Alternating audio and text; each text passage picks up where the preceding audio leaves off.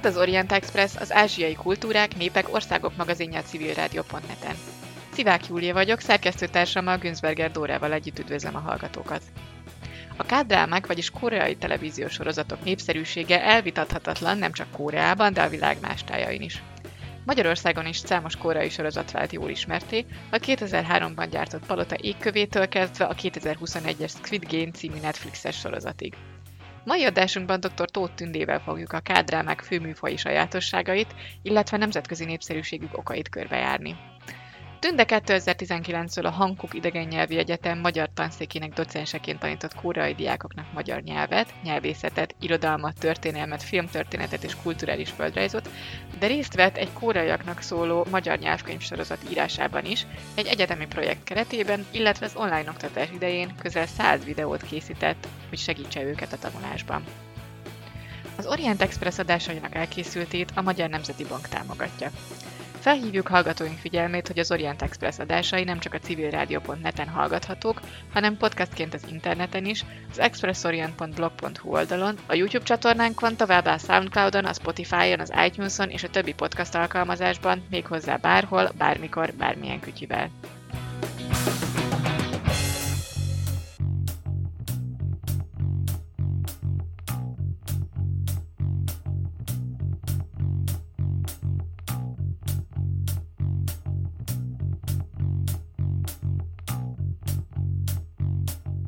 Szóval, kedves Tündel, nagyon köszönjük, hogy elfogadtad a meghívást, és eljöttél hozzánk a kis virtuális stúdiónkba. Az első kérdésem az az lenne, hogy téged hogy kezdett el a koreai kultúra érdekelni?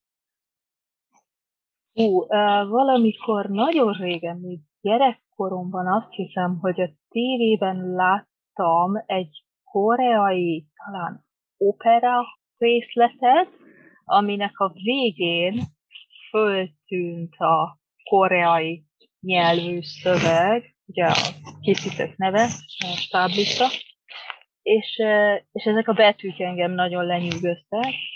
Aztán később, mint ahogy szerintem nagyon sokan Magyarországon, én is találkoztam a televízióban a koreai sorozatokkal, és több ismerősöm is volt, aki valamilyen szinten Koreával kapcsolatba lépett, ott dolgozott, és így lassan-lassan engem is beszippantott ez a kultúra. A következő kérdésem pedig az lenne, hogy ugye te Koreában is tanítottál, tehát hogy egészen közeli kapcsolatba kerültél a koreai kultúrával tulajdonképpen. Hogy kerültél Koreába? Így van, a Hanguk idegen nyelvi egyetemen magyar, idegen nyelvet, magyar kultúrát, történelmet tanítottam koreai diákoknak, és ide nagyon egyszerűen kerültem ki, megpályáztam ezt az állást, és elnyertem. Ez az egyetem az egyik legjobb egyetem Dél-Koreában, és lassan 70 éve tanít borzasztóan sok idegen nyelvet. Tehát tényleg elképesztő az a kínálat, amivel rendelkezik, nem tudom én, kazaktól a szájon át, természetesen angolon, nagy európai nyelveken keresztül tanítja a közép-európai nyelveket is, ahol a magyarnak is van egy külön tanszéke, és minden évben 35 diák kezdi el a magyar szakos tanulmányait ezen az egyetemen. Jelenleg egyébként ez az egyetlen olyan egyetem Dél-Koreában, ahol hivatalosan van magyar szak. Tehát, hogyha esetleg valaki más érdeklődik az iránt, hogy hogyan lehetne Dél-Koreában uh, magyar nyelvet tanítani, akkor ez az egyetem lesz a célpontja. Akkor beszélgessünk egy kicsit a koreai magyar tanításról. Engem nagyon érdekelne, hogy azok a diákok, akik végül is magyar tanulnak Koreában, ők mi alapján döntenek úgy, hogy magyart fognak tanulni? Ez egy kicsit sokkoló lesz. Dél-Koreában nem úgy működik a rendszer, mint nálunk, hogy egy gimnazista sokat hall valamilyen idegen nyelvről, és úgy dönt, hogy hm, én szeretnék mondjuk urdul tanulni. Dél-Koreában megcsinálják a borzasztóan nehéz érettségi vizsgájukat, ahol gyakorlatilag minden tantárgyból vizsgázniuk kell. Ez alapján kapnak egy pontszámot, megjelölik azt, hogy hova szeretnének körülbelül menni, milyen irányra szeretnének menni, tehát mondjuk nyelv, vagy orvosi, vagy hasonlók. Ez nyilván a pontokból is kiderül, hogy melyik tárgyból jók, és kapnak egy ajánlatot az egyetemtől, hogy ő a pontszáma alapján magyar nyelv tanulására lenne alkalmas, elfogadja vagy sem. És így kerülnek be magyar szakra, tehát vannak olyan diákok, akik ott az egyetemen magyar szakosként kezdik el fölismerni azt, hogy, hogy mire vállalkoztak. Tehát nem úgy, hogy valamilyen előzetes tudásuk van erről, ami, ami ugye mi számunkra eléggé megdöbbentő, hogy, hogy nem valamilyen régi álom teljesül be azzal, hogy elkezdenek magyarul tanulni, hanem kapnak egy lehetőséget arra, hogy egy jó nevű egyetemen szerezzenek egy értékes diplomát, és természetesen a magyar szak mellett nagyon praktikus dolgokat is tanulhatnak, tehát például pénzügy, számvitel, hasonló másik szakot is végezhetnek. Tehát van, akinek kvázi a magyar szak egy féle mentő, hogy ennek révén eh, szerezhet egy, eh, egy olyan közgazdasági diplomát, ami mellett hát ő neki van egy magyar szakos eh, papírja is. Tanárként azért ez, ezt elég nehéz lehet pótolni azt a fajta motivációt, amit esetleg az ember azért érez, mert iszonyatosan vonzódik egy kultúra iránt. Tehát, hogy nyilván nyelvtanulásban nagyon fontos szerepet játszik az is, hogy az embert alapvetően érdekelje az, aminek, aminek a nyelvét, meg a kultúráját tanulja, és ne csak egy ilyen, mert hogy én úgy képzelem, hogy akkor lehet, hogy így nehezebb, hogyha csak így ilyen sorsolás alapon vagy ilyen véletlenszerűen jut oda, hogy ezt a nyelvet tanulja. Neked ezzel kapcsolatban mik a tapasztalataid? Én ezzel abszolút egyetértek, tehát teljesen más úgy bemenni egy tanterembe, amikor ott van uh, 35 csillogó tekintetű fiatal, aki alig várja, hogy végre uh, tanulhassa azt a nyelvet, és egy kicsit más az, amikor nyilván tulajdonképpen itt Dél-Koreába jöttem rá arra, hogy a nyelvtudásnak van egy nulladik szintje az a szint, amikor az ember még nem beszéli a nyelvet, de ha idegen nyelvű szövegeket lejátszanak neki, akkor meg tudja mondani, hogy ez az. Tehát így néhány szót azért tud. Mondjuk az ember meg tudja különböztetni egymástól a spanyolt és az olasz, akkor egy ilyen nulladik szintű tudással rendelkezik, hogy el tudja dönteni, hogy milyen nyelv az.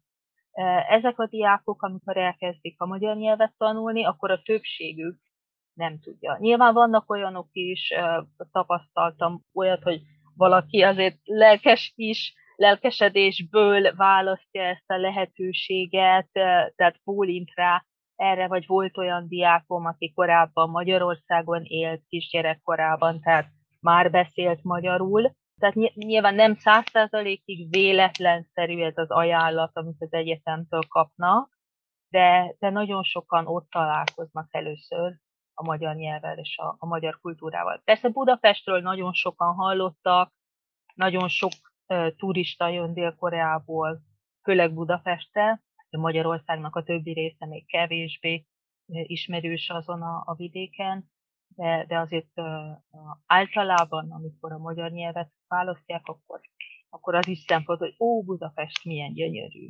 Ezt akartam volna kérdezni egyébként, hogy ha van valamiféle tudás Magyarországról, akkor ez inkább pozitív jellegű, vagy inkább negatív jellegű? Vannak esetleg valamiféle sztereotípiek?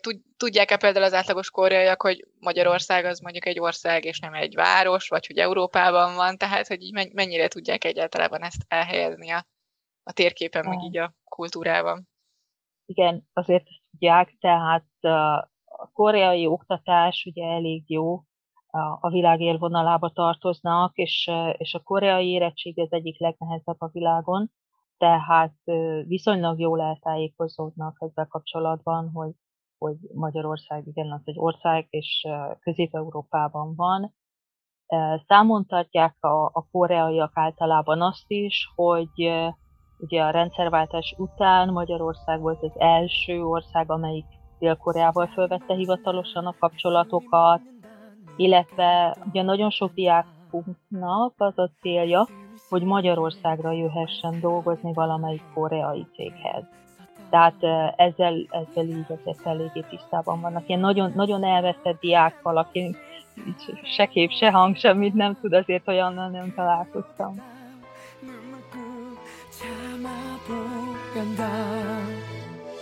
빗물이 온몸을 적신다 또 애써 고개 들어 하늘을 바라본다 내 눈에 들어간 빛과 너를 생각하며 참고 또 참아왔던 눈물을 대신해준다. 미치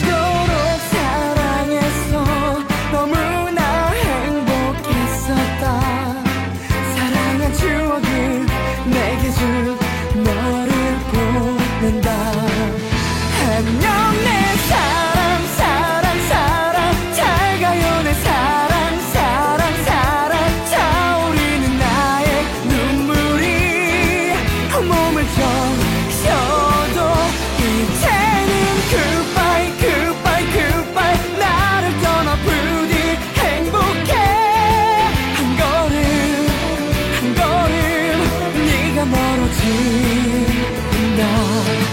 말없이 숫자를 채운다 힘겹게 손에 들며 한숨을 뱉어본다 한 잔을 마셔본다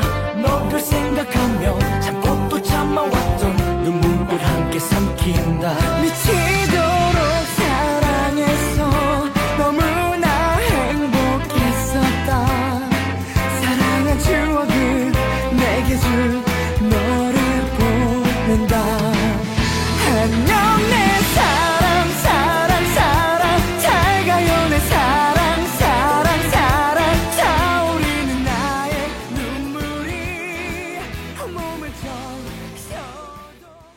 Továbbra is az Orient Express. Tóth Tündével beszélgetünk a koreai magyar tanításáról, illetve most már lassan elkanyarodunk majd a koreai popkultúra felé is. Az előző blogban említetted, hogy ezért elég nagy kihívás magyar nyelvet tanítani olyanoknak, akiknek ez a nulladik szint sincsen meg feltétlenül egyáltalán felismerjék a nyelvet. Hogyan tudtál mégis hatást gyakorolni a hallgatókra. Itt most konkrétan a YouTube videóidra gondolok, ugye YouTube-on van egy nagyon eh, impresszív, eh, hosszú videólistát különböző ilyen nyelvtanítós videókról. Hogyan tudtad közelebb hozni a magyar nyelvet a koreai hallgatókhoz? Én igyekeztem mindent megtenni, ami tőlem telt. Az online oktatás idején kezdtem el ezeket a videókat készíteni, mert úgy gondoltam, hogy ezek informatívabbak, mint hogyha a hallgatók így az én arcomat látják, ahogy a háttérben egy táblára írogatok, és, és próbálom a tantermi oktatást imitálni, de nyilván a, az online szférában ez, ez nem lehet. Tehát ennek annyira nem láttam értelmét, ezért inkább ilyen nyelvoktató videókat kezdtem el csinálni, és ez szerencsére a hallgatóknak az egyetértésével is találkozott, tehát azt a visszajelzést kaptam tőlük, hogy ezzel a módszerrel valóban jobban tudnak így online tanulni, mint hogyha ha a tábláról kellene leolvasgatni a, a szavakat és egyebeket. Azt hiszem, hogy a koreai oktatási rendszer nagyon sok szempontból meglepő nekünk magyaroknak. Amikor mondjuk Európában, én tanítottam Észtországban is a Tartói Egyetemen, és ott, hogyha az volt a feladat, hogy ilyen monoton dolgokat kell elvégezni, tanuljuk meg mondjuk a számokat, minden nyelvnél ez szokott lenni általában a mumus a, az elején, a számok megtanulása, és hát ez nagyon-nagyon lassan, és nehézkesen és fájdalmasan ment. Ilyen probléma a koreai diákokkal nem volt. Tehát, hogyha, hogyha a koreai diákoknak azt mondjuk, hogy ettől eddig ezt tanulják meg, akkor megtanulják. Ez, ez nagyon-nagyon elképesztő volt magyar szemmel nézve, hogy, hogy ilyen unalmas, száraz, dolgokat képesek megtanulni. Ami nehezebben megy, az az, hogy hogyan tudnak beszélni. Ez ugye egyrészt azért is van, mert a két nyelv nagyon különbözik. Nincs meg ez a nulladik szint sem, ahogy mondjuk nyilván egy, egy szlovák, egy ukrán, de akár egy észt vagy egy finn is valamilyen előismeretekkel rendelkezik a magyar nyelvről, amikor elkezdi tanulni. Koreában ez nincs, tehát a beszéd az, ami a legnehezebben megy, és amit a legtöbbet kell gyakorolni. Nagy kihívás, de szép feladat. És általában van egy ilyen átlag időszak, vagy idő intervallum, amin idő alatt meg tudnak úgy tanulni, hogy kommunikációképesek. Megfigyeltél ilyen tendenciát a korai hallgatók között? Hát ez általában az egyéntől függ.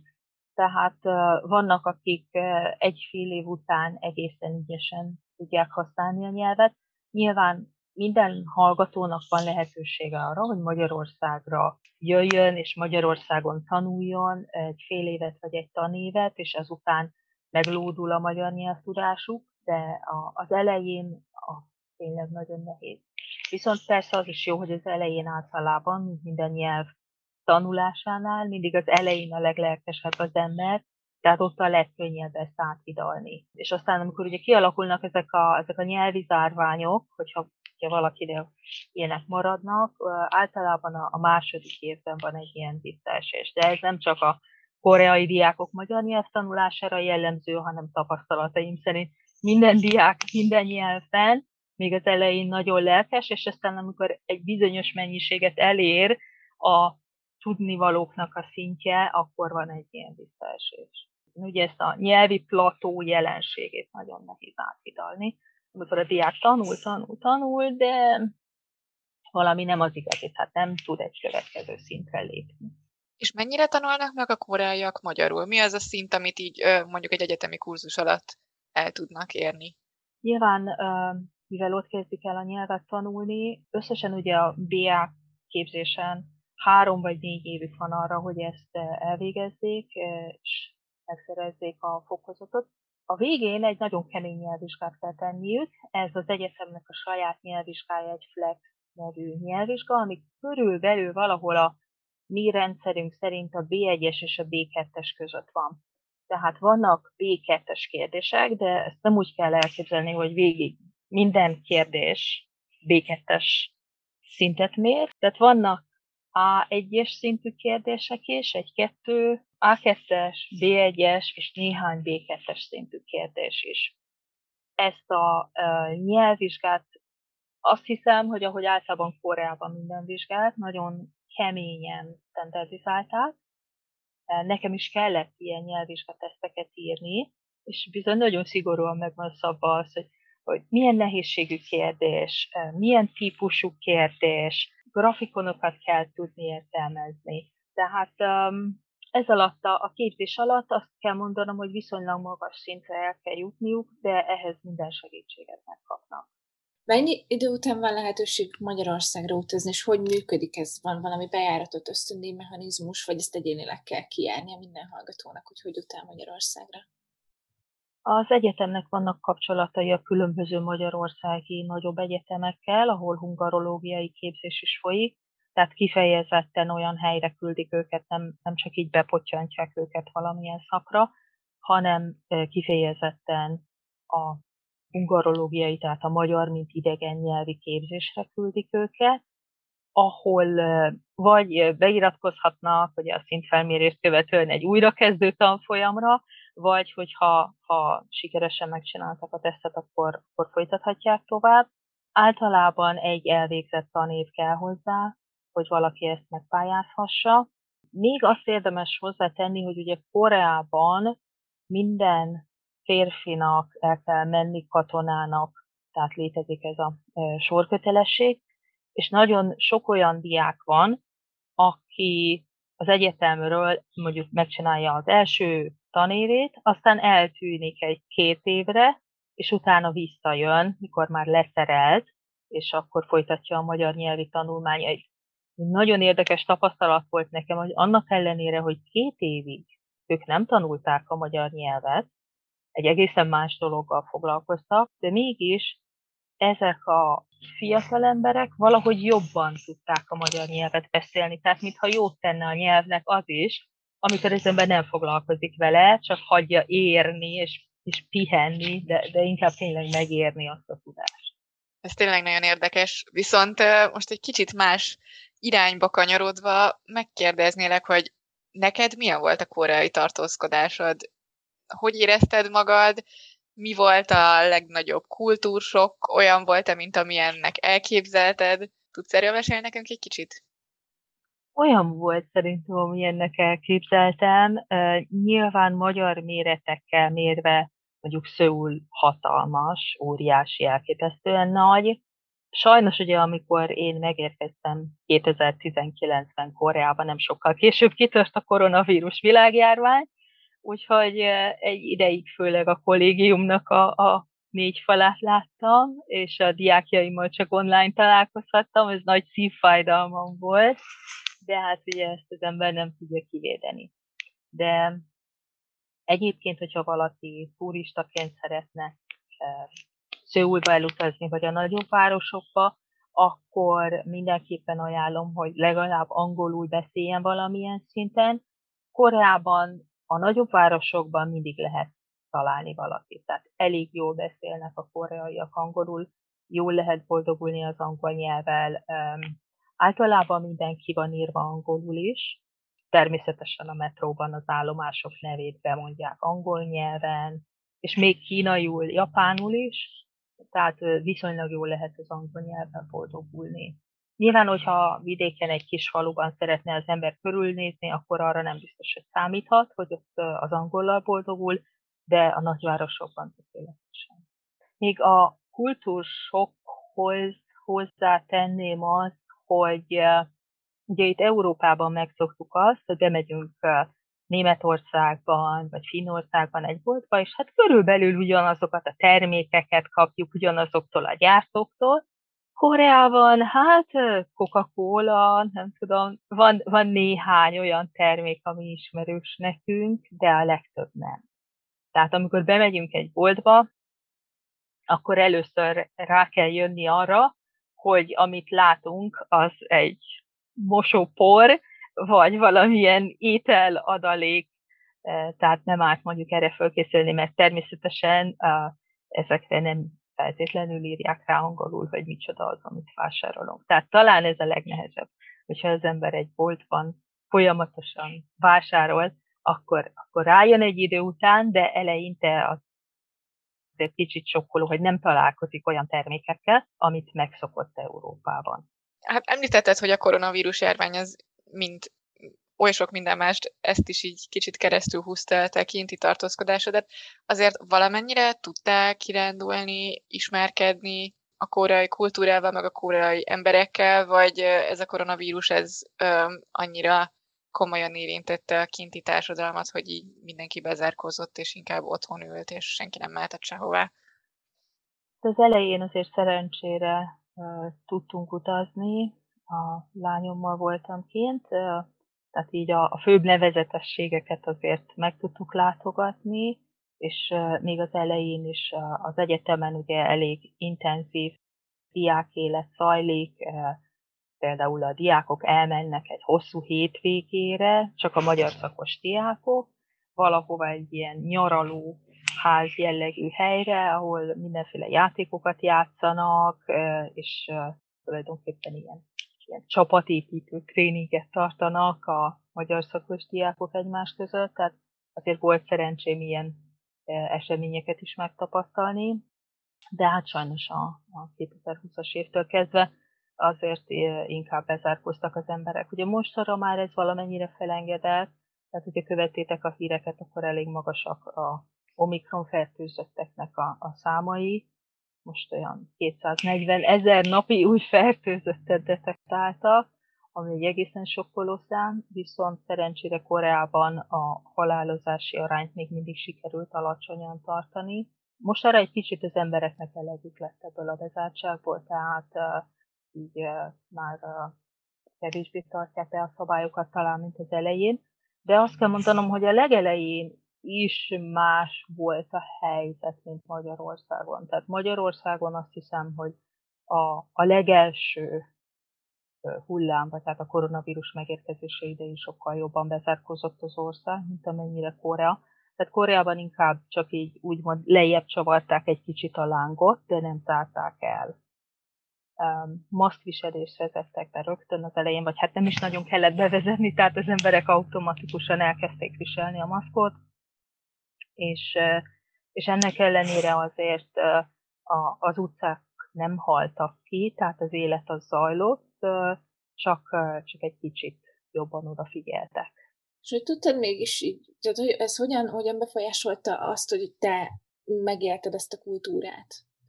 Milyen, milyen élményekkel jöttél el az első, vagy milyen élményekkel gazdagodtál az első pár hét után, így, hogy ennyire bezárt az ország. Nem annyira, mint Magyarországon azt mondtad, de azért mégiscsak gondolom, ez így nehéz lehetett. Azt hiszem, hogy persze mindenkinek nehéz volt, de, de azért uh, tényleg az elején, uh, amikor még nem létezett ez a világjárvány, akkor azért elég jól lehetett utazni. És hát természetesen, amikor a, a tanév tart, akkor meg így is úgy is az ember a, a kampuszon van, és a, az órákkal foglalkozik, tehát akkor amúgy is kevésbé tudtunk volna utazni és, és világot látni. De nyilván az interneten keresztül azért az ember próbált mindenben részt venni.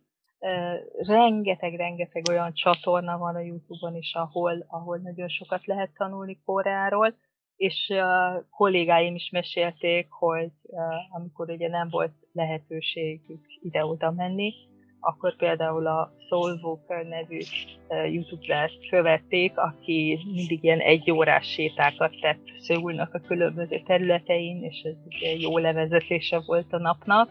De tulajdonképpen azt lehet mondani, hogy, hogy ezért a modern technika segítségével bizonyos dolgokat át lehetett hidalni már. Nem, nem voltunk annyira bezárva, mint hogyha ez mondjuk az internet korszak előtt történt.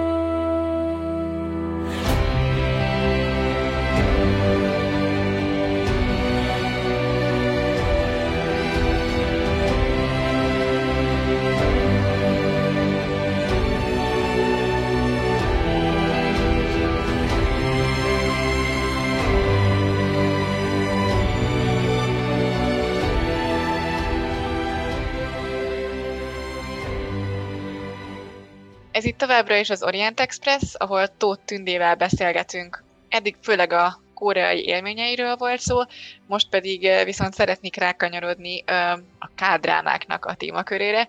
Ugye már az elején is említetted, hogy a koreai filmsorozatok téged mindig is nagyon vonzottak, és ez volt az, ami felélesztette az érdeklődésedet a koreai kultúra irányában. Meg tudod mondani, hogy mi az, ami igazán vonzó számodra a kádrámákban? Mi az, ami nagyon tetszik? Azt hiszem, hogy ezek a drámák nagyon sok szempontból mások, mint azok a klasszikus, ilyen teleregények, amik ezek a dél-amerikai szappanoperák, amiket megszoktunk. Tehát mondjuk egy, egy dél-amerikai vagy egy török szappanopera az általában a klasszikus ókori sorsüldözött szerelmesek című uh, ilyen nagy regénynek a, az eseményeit követi. Uh, ez egy ilyen típus, hogy az elején megismerkednek a szerelmesek, de aztán mindenféle nehézséggel találkoznak, intrikusok próbálják őket elválasztani, vagy, vagy fizikailag az egyiket elrabolják. Tehát a történet száll valójában egy ilyen kalandsorozat, aminek a végén a sorsültözött szerelmesek végül egymásra találnak, és boldogan élnek, amíg meg nem halnak. Koreai tévédrámák viszont azt mondják, hogy inkább ilyen úgynevezett fúziós drámák, tehát mindenféle műfajnak az elemeit elegyítik egymással. Egy klasszikus szerelmi történet sem úgy épül fel, hogy mint egy ilyen Rómeó és Júlia történet, hogy egymásra néznek, egymásba szeretnek, és aztán próbálnak egymásé lenni, hanem nagyon lassan, nagyon finoman bontakoztatják ki például a szerelemnek a megszületését. Ez nem automatikus. És hát nem csak a szerelmi történetben, de talán ott a leglátványosabb ez a különbség a nyugati típusú, ilyen sorsüldözött szerelmesek szerűen fölépített szerelmi történetek és a koreai történetek között, hogy ez egész nagyon lassan megy, mindenre hagynak időt, és nem biztos, hogy ez az egymásra találás be fog következni. A másik fő jellegzetessége a koreai tévédrámáknak, amit, ami azt hiszem, hogy erősen megkülönbözteti őket a nyugati típusú, főleg a, a hollywoodi, vagy hát amerikai sorozatoktól, hogy nem biztos, hogy jó a vége. Tehát nagyon sok olyan történet van, aminek a végén tragédiával találkozunk. Ugye ez a 21. században, amikor hozzászoktunk ehhez a, a kényelmes hollywoodi narrációhoz, ahol hát van egy óriási robbanás, de a főhős még a robbanást is lefutja, mert gyorsabban fut, mint a robbanás, és, és a halála után újraélesztik, bármit meg tud csinálni, és mindent legyőz. Ez a koreai tévédrámában nem ennyire egyszerű. Nyilván története válogatja, tehát ott is vannak ilyen hollywoodiasabb ízű történetek, de nagyon sok olyan dráma van, aminek a végén az adja a katarzis, hogy tragédiával ér véget a történet. Azt hiszem, hogy, hogy ez a két dolog nagyon fontos különbség, illetve van egy harmadik, ami a fúziós drámából következik, és a, amiről különböző mémek is szólnak az interneten, hogy nem lehet kiszámítani, hogy mi fog következni. Tehát van egy nagyon értelmes jelenet, utána egy akciódús jelenet, aztán utána sírni kell, nevetni kell, tehát nagyon gyorsan változik a szituáció, és, és tulajdonképpen ezek a tévédrámák, mint hogyha az emberi érzelmeknek a húrjai, mint valami hangszeren játszanának, nem lehet megunni azt, hogy éppen mi történik a képernyőn. Tehát azt hiszem, hogy ezért van ilyen óriási világméretű rajongótábora ezeknek a drámáknak. Ha jól értem, akkor tulajdonképpen arról van szó, hogy bizonyos szempontból sokkal realisztikusabban fogják meg a különböző történeteket és a különböző érzelmi szituációkat, viszont mégiscsak sokkal izgalmasabb, mint hogyha az ember a való életben nézné végig, hogy a szomszédaival mi történik mondjuk, mert hogy, hogy van, ez a, van ez a nagy érzelmi skála, amit így be tudnak járni a, a sorozatokban. Viszont próbáltam utána olvasgatni a kádrámáknak a beszélgetésünk előtt, és nagyon meglepődtem azon, hogy a legtöbb nagyon népszerű, ilyen világszinten is nagyon népszerű dráma viszonylag rövid. Tehát, hogy nem arról van szó, hogy nem tudom, 30 évadon keresztül tart, mint mondjuk a mexikói sorozatok, hanem egy évad mondjuk, és az is viszonylag kevesebb epizód. Ez mennyire jellemző, ez a rövidebb Igen. fajta történetmesélés? Igen, ez a tipikus, tehát körülbelül olyan 16-20 részes sorozat, az már viszonylag hosszúnak számít. Vannak olyan sorozatok is, amik több évadot kaptak, de általában ilyen rövid sorozatok ezek. Viszont ez alatt a rövid időtartam alatt is ennek a nagyon dinamikus cselekmény fűzésnek a következtében az ember úgy érzi, hogy egy év eltelt, tehát nagyon-nagyon sok minden történik egy, egy részben is, egy, egy órás részben. Azt hiszem, hogy talán ezek így jobban kezelhetők, ez a hosszúság, és ki lehet venni belőle a történetből az üres járatokat.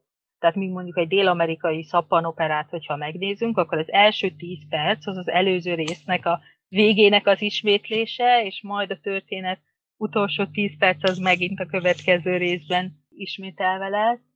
Itt sokkal sűrítettebb a, a cselekmény, kevesebb az üres járat, hiszen a rövidség miatt nem lehet megengedni azt, hogy, hogy fölösleges elemek legyenek a sorozatokban.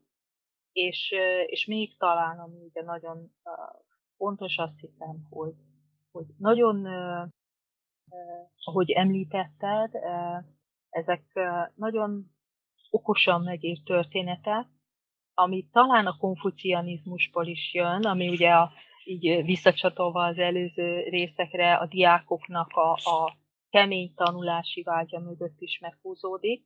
Tehát óriási tisztelete van a tanultságnak, a műveltségnek, a tudásnak. Nincsen olyan sorozat, amiből valamit az ember ne tanulna. De nem, nem ilyen közmondásszerű bölcsességeket, hogy aki másnak vermetás maga esik vele, ne ilyenekre gondoljatok, illetve a hallgatók ne ilyesmire gondoljanak, hanem ilyen nagyon konkrét dolgokat lehet ezekből megtanulni. De nem ilyen szájbarágos módon, hanem, hanem nagyon élvezetesen és érdekesen. És azt hiszem, hogy talán ez, ez az okosság, a tudásnak, a tanulásnak a tisztelete is nagyon fontos ezekben a sorozatokban, és ezért is nézik olyan sokan, mert, mert nem egyszerűen megerősíti a nézőt a hiteiben, vagy előítéleteiben, hanem valami, akármi dolgot, de, de tanul belőle. Például nagyon népszerűek a, a koreai történelmi drámák is, a sagutok, amiből ugye tényleg effektíve nagyon sokat lehet tanulni a történelemről.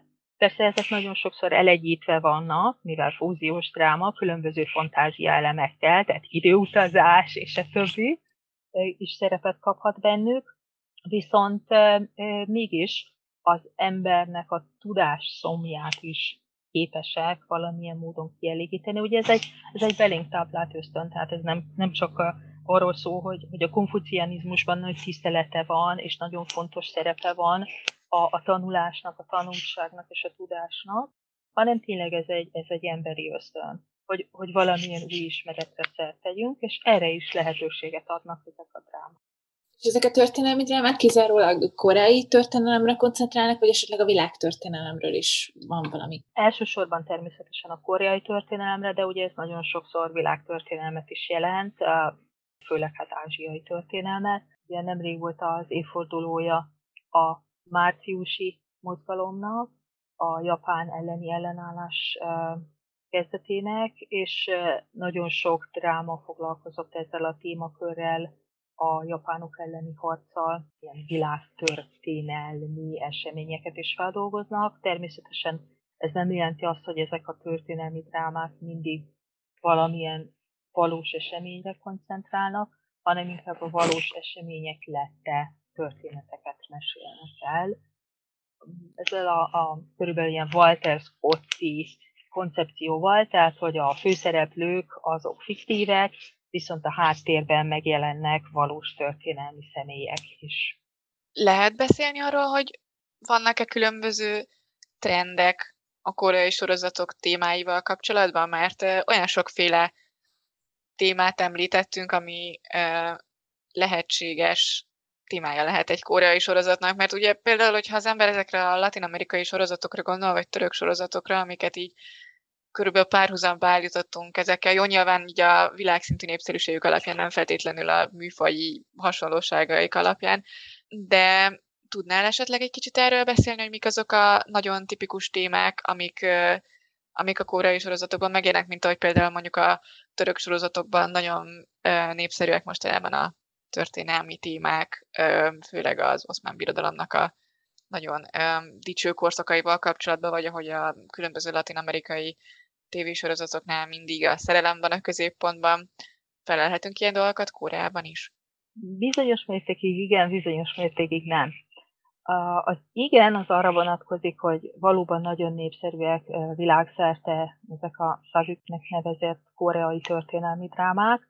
Ezek többnyire a Choson korszakban játszódnak, és nagyon színpompás kivitelben készülnek. A történetek nagyon sokszor fiktívek, tehát nem valamilyen konkrét történelmi eseményhez kapcsolódnak, hanem inkább csak a hátteret adja, mondjuk egy szerelmi történetnek, vagy egy kaland történetnek ez a korszak.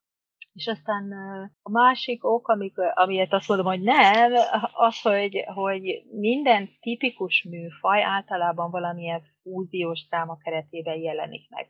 Tehát például most ért véget a Ghost Doctor.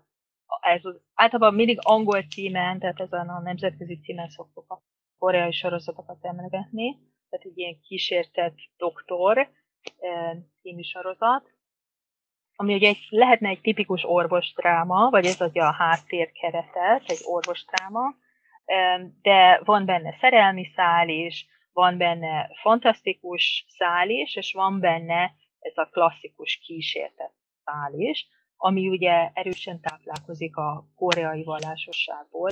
Nagyon-nagyon sok sorozatban foglalkoznak a koreai természet feletti lényekkel, akik adott esetben a modern korban jelennek meg valamilyen formában, változatban, tehát ezek nem csak egy klasszikus történelmi drámának lehetnek a szereplői, hanem, hanem a mai megtestesülései. Bizonyos szempontból párhuzamba lehet állítani az amerikai vámpír drámákkal ezeket, hiszen a vámpír is egy klasszikus természetfeletti figura, aki ugye a mai amerikai filmekben, sorozatokban a modern környezetben jelenik meg.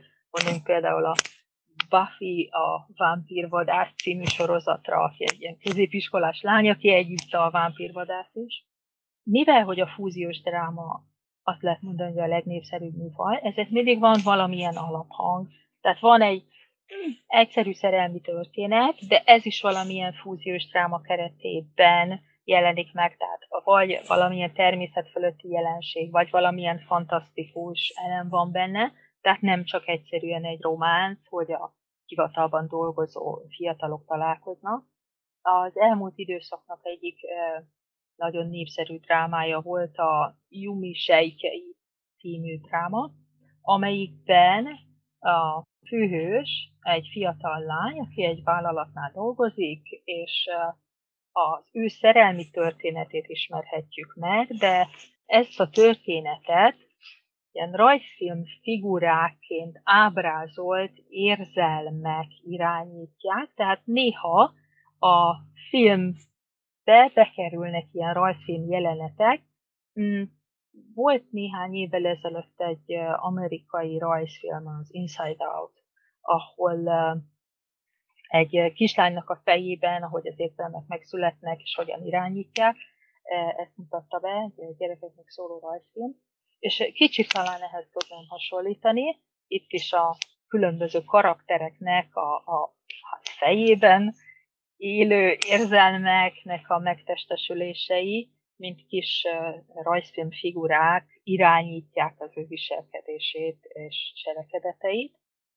És aztán nagyon sokszor ezeket a, a történeteket mindenféle humoros epizódok szakítják félbe, tehát nagyon sok lehetőséget adnak arra nézőnek, hogy, hogy nevessen egy jó ízűt, vagy sírjon adott esetben.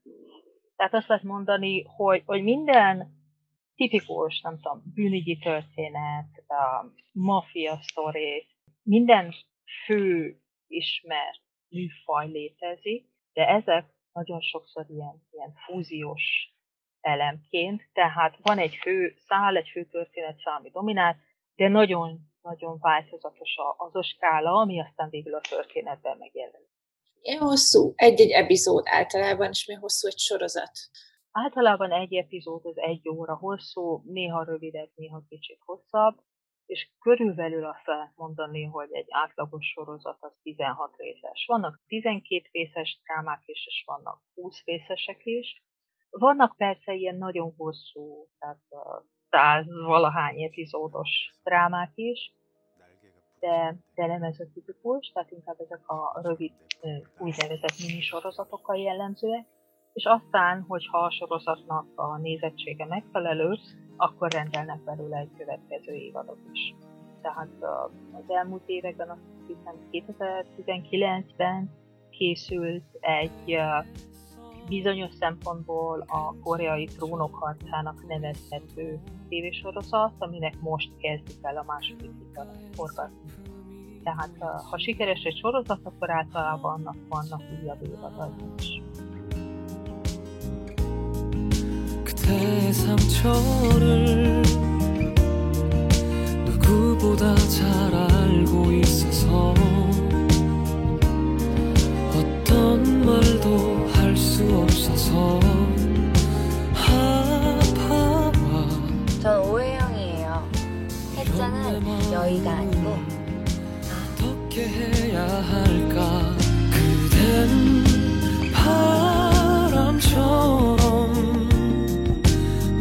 내 맘을 흐트러뜨리지만 어쩌면 나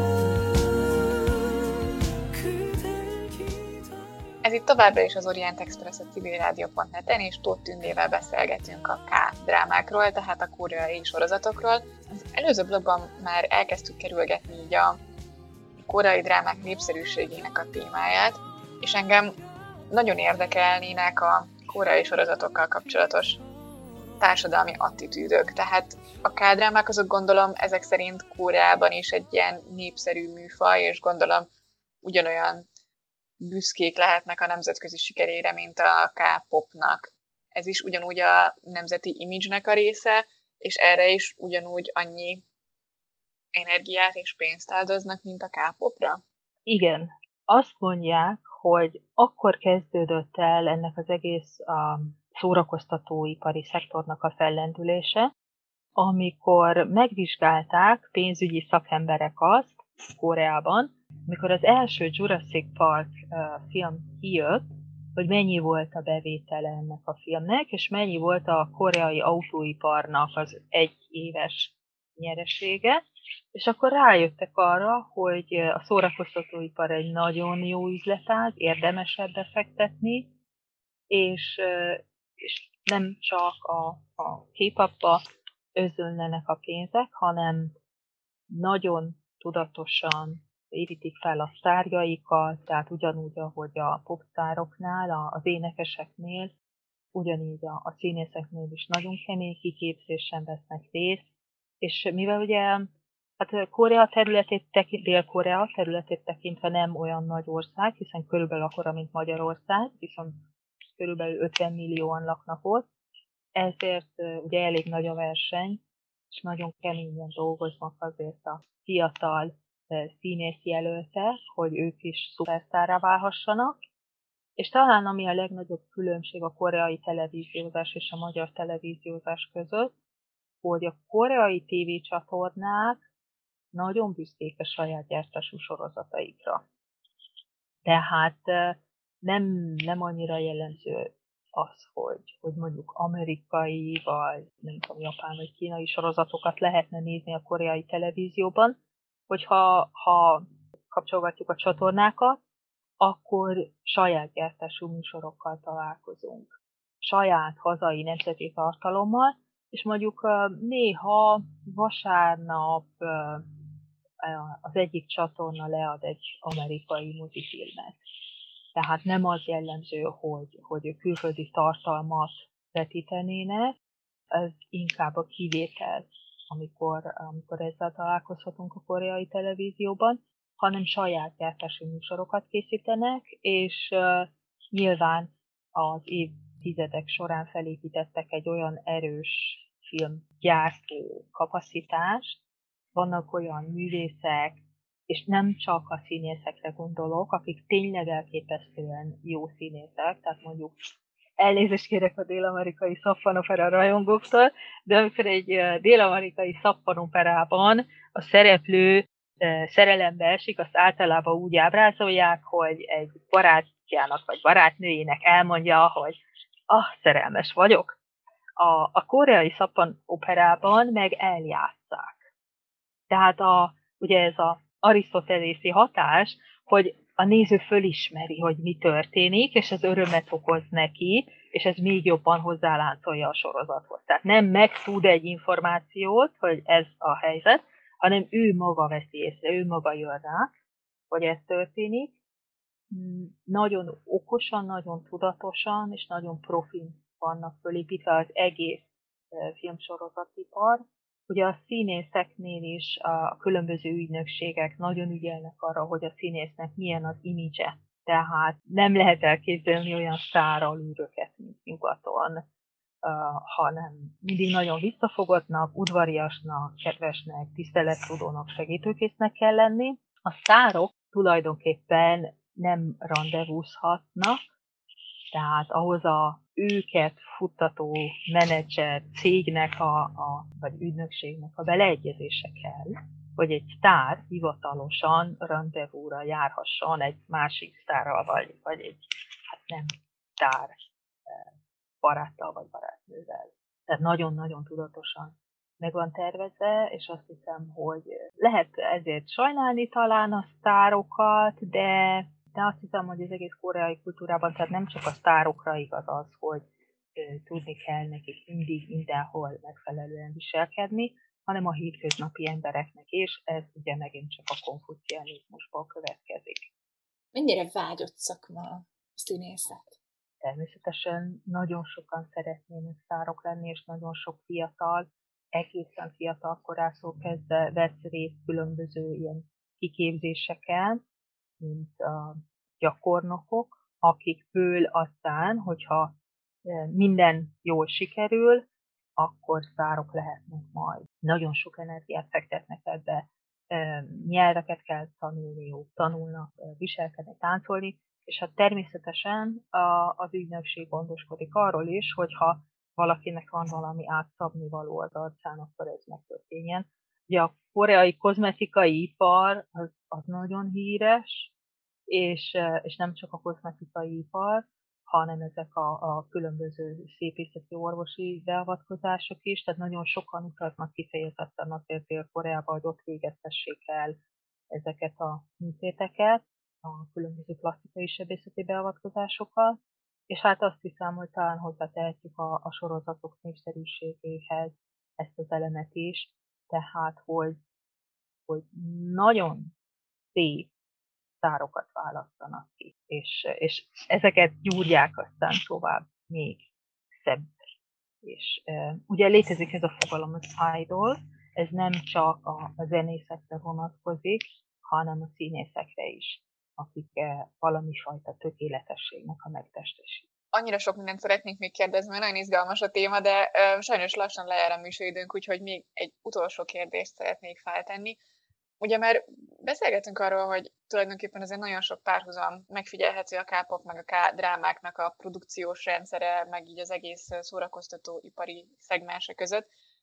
Ha jól tudom, akkor a K-pop zenekaroknál azért van egy ilyen nagyon tudatos tervezés, hogy kik azok, akiket ilyen nyugati exportnak szánnak, vagy akár Ázsia más országaiban szeretnék, hogyha ők népszerűek lennének megvan ugyanez a fajta tervezés a drámáknál is? Tehát megfigyelhetünk egy ilyen fajta különbségtételt a belföldi piacra, meg a külföldi piacra szánt kádrámák között. Gondolok itt például a, esetleg a Squid Game-re, ami ugye egészen elképesztően népszerű lett az egész világon. Mondjuk ezt például kifejezetten nyugati piacra szánták, vagy esetleg ez csak egy ilyen spillover egy nagyon népszerű kórai sorozatnál? Én azt hiszem, hogy kifejezetten a külföldi piacra szánt drámák nincsenek, tehát ezek általában elsősorban a hazai piacra készülnek, nyilván azzal a hát lehetőséget meghagyva, hogy külföldön is népszerűek legyenek, és természetesen tudatosan készülnek arra is külföld, hogy külföldön is népszerűek lehessenek ezek a, a sorozatok és drámák, de azt hiszem, hogy nincsen olyan, hogy, hogy csak a külföld számára, tehát csak exportra gyártanának valamit. Nyilván részt vesznek nemzetközi együttműködésekben is, tehát például a Nickelodeonnak a Avatar című nagyon népszerű amerikai rajzfilm sorozatának a rajzolásában koreaiak is részt vettek, tehát létezik ilyenfajta munka is, vagy ilyen fajta megoldás is, de, de általában tehát a, a Squid Game se kifejezetten az amerikai piacra készült. Ugye azt talán megdöbbentő lehet, hogy milyen sok amerikai kifejezéssel találkozunk ezekben a drámákban. A koreai nyelv az nagyon kész arra, hogy átvegyen szavakat és kifejezéseket. Tehát nagyon sok angol kifejezést használnak a mindennapi életben is.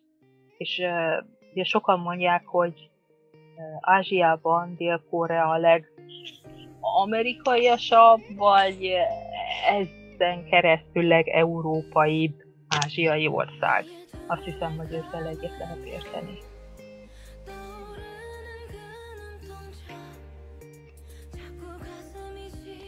Nagyon köszönjük Tóth Tündének, hogy elfogadta a meghívásunkat, köszönjük a hallgatóknak a figyelmet és a Magyar Nemzeti Banknak a támogatást.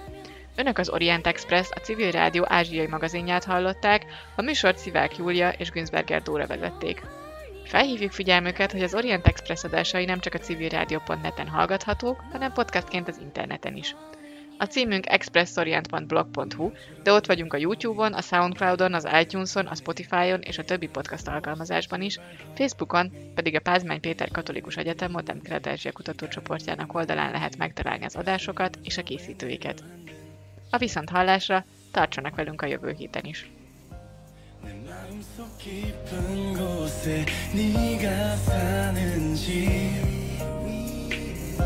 내 안에 숨겨왔던 진실 나의 두 눈을 감으